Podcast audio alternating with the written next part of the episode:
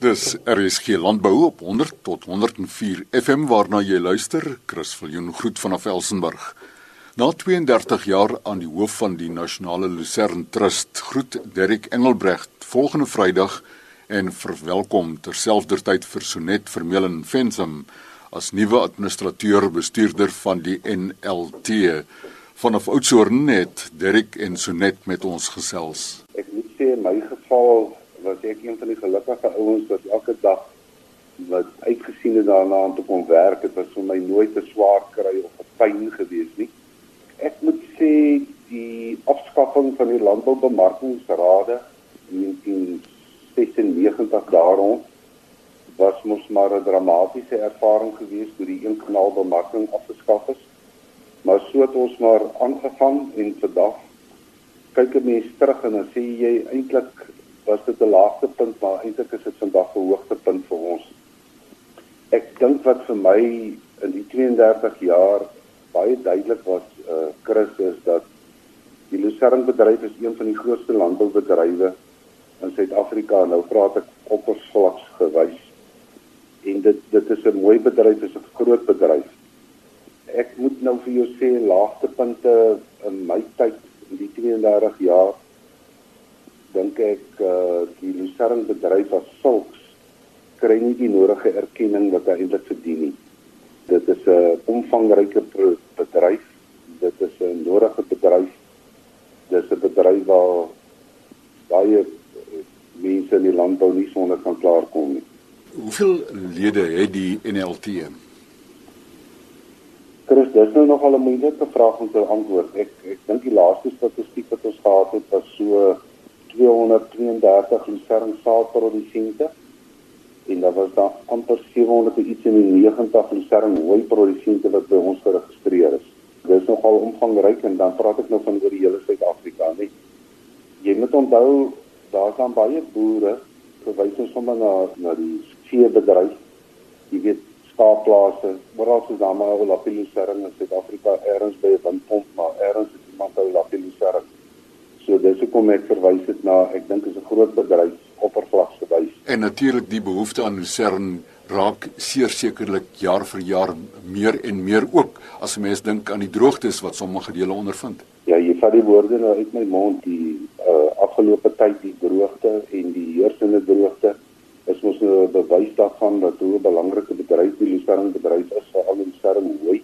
Ek dink nie 'n boer kan regtig sonder voer klaarkom nie en daarom dink ek is baie belangrik strategies gesproke is dit 'n verskriklike lang belangrike bedryf vir die melkbedryf, veevoerbedryf en natuurlik soos jy nou terself opgemerk het ten tye van droogte soos wat ons nou ervaar. Die NLT se lede is nie 'n streekgebonde of provinsiegebonde nie, nie waar nie?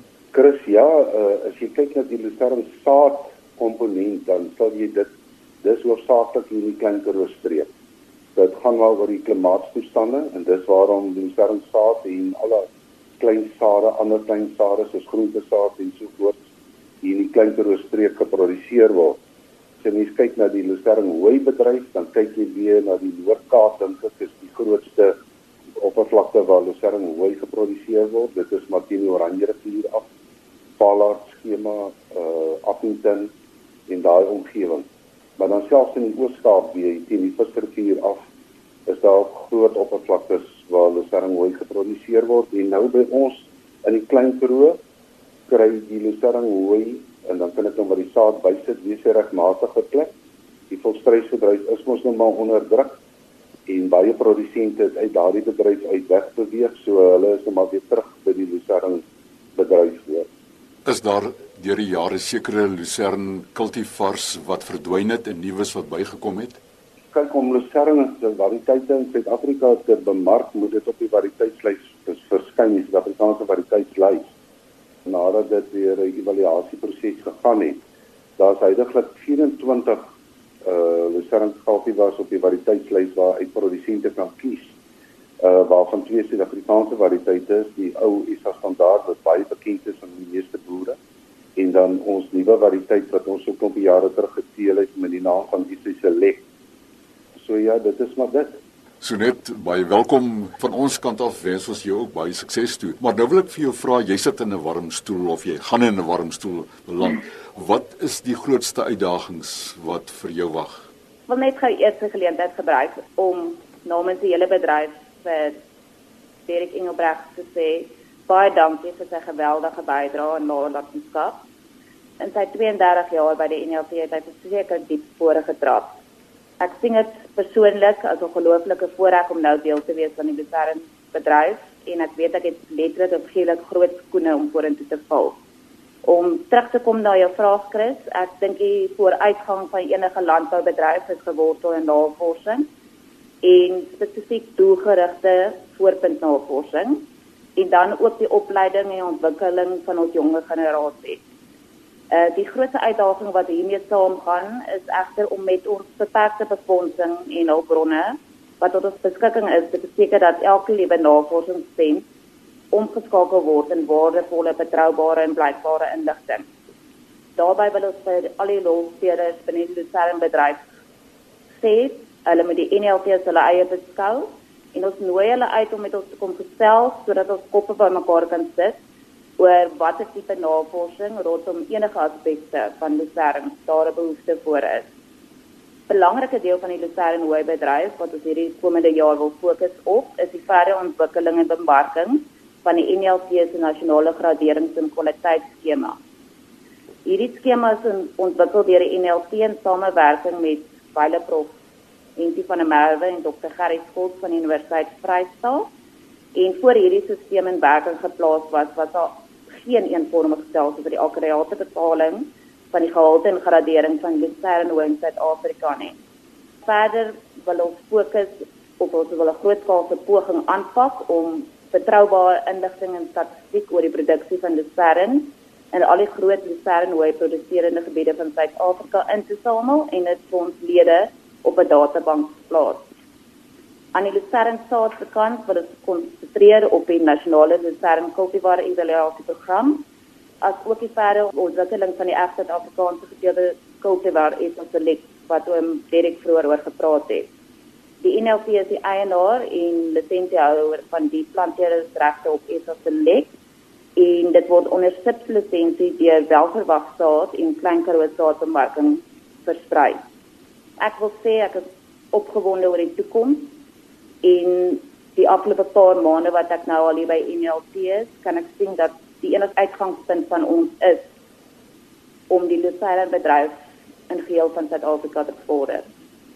So net jy is navorser in eie reg. Vertel vir ons die pad wat jy geloop het tot op hierdie dag. Dit was 'n lang pad. ek het ehm um, begin ek het by die Universiteit Vryheid geswat en ehm um, dit was syfer BC plantkunde graad. En nou na jou eerste 3 grade en dan moet jy besluit wil jy gaan werk of wil jy verder studeer?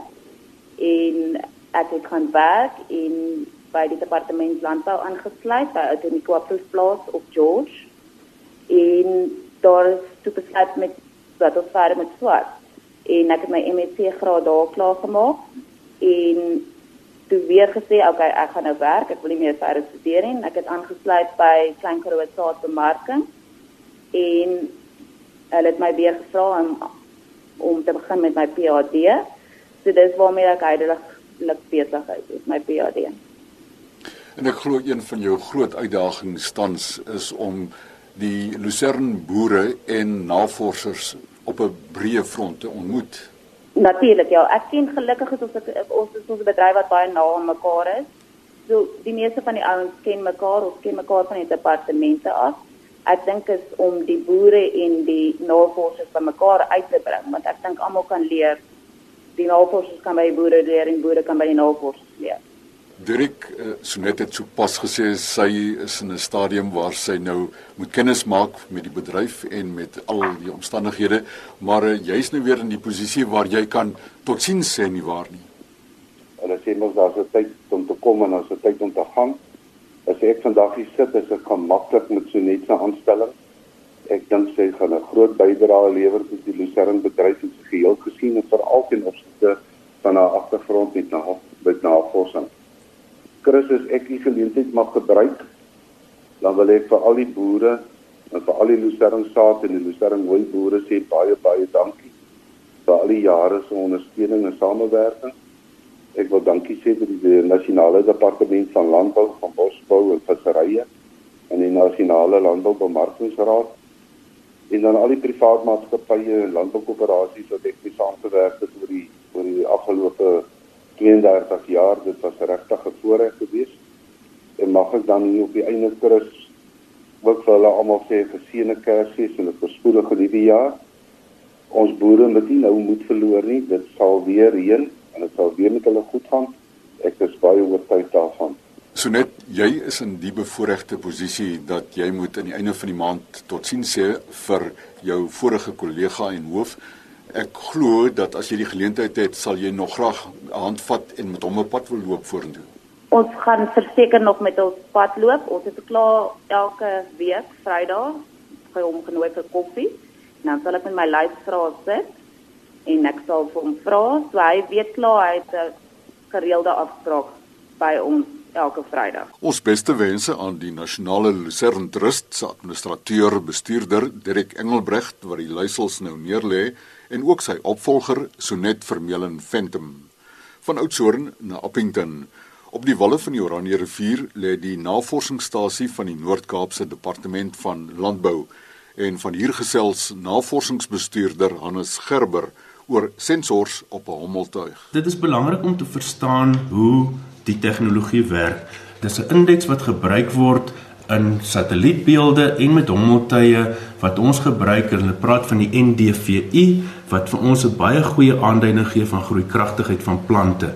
En dan die groeikragtigheid hang af van siektes, dit hang af van droogte, dit hang af van stresskondisies wat met voeding ensovoorts uh, gepaard gaan.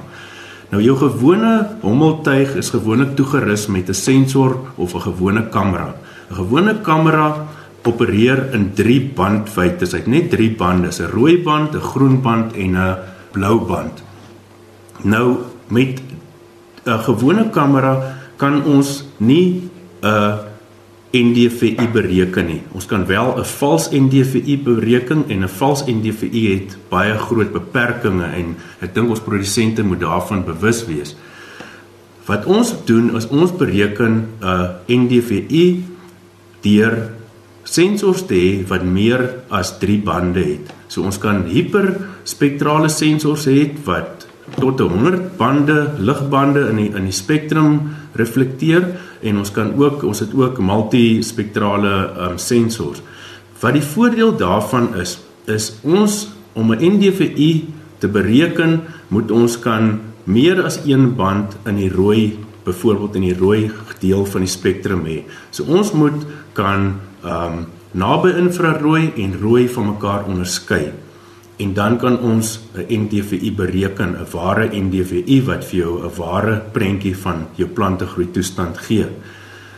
Wat die voordeel is van met hierdie sensors te werk is jy kan ook sekere goed uitfiltreer. As ons weer eens vat 'n voorbeeld van 'n wingerd, daar is 'n stadium wat 'n wingerd nog nie wat die blaarbedekking nog nie die hele grondoppervlak bedek nie, dan speel die refleksie van die grond 'n belangrike rol. So jy kry baie areas het rooier gronde, baie areas het swart, swarter gronde, baie keer is die grond nat.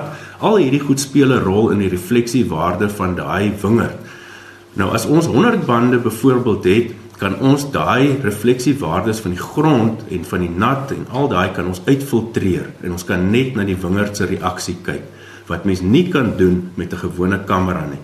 En ons wil net dit vir die luisteraar duidelik stel dat ehm um, dit is baie belangrik om te weet met watter sensors jy werk en hoe jy die toepassing doen om dan daarvan aan data te genereer wat jy dan vir die produsent gaan aanbeveling opmaak. Hannes Gerber is navorsingsbestuurder van die Noord-Kaapse Departement van Landbou, Grondhervorming en Landelike Ontwikkeling op die Appington Navorsingsstasie. Sy telefoonnommer 087 6300303 087 6300303 Tot môreoggend om kwart voor 12 wanneer ons gesels oor besproeiing en dreinering. Groete.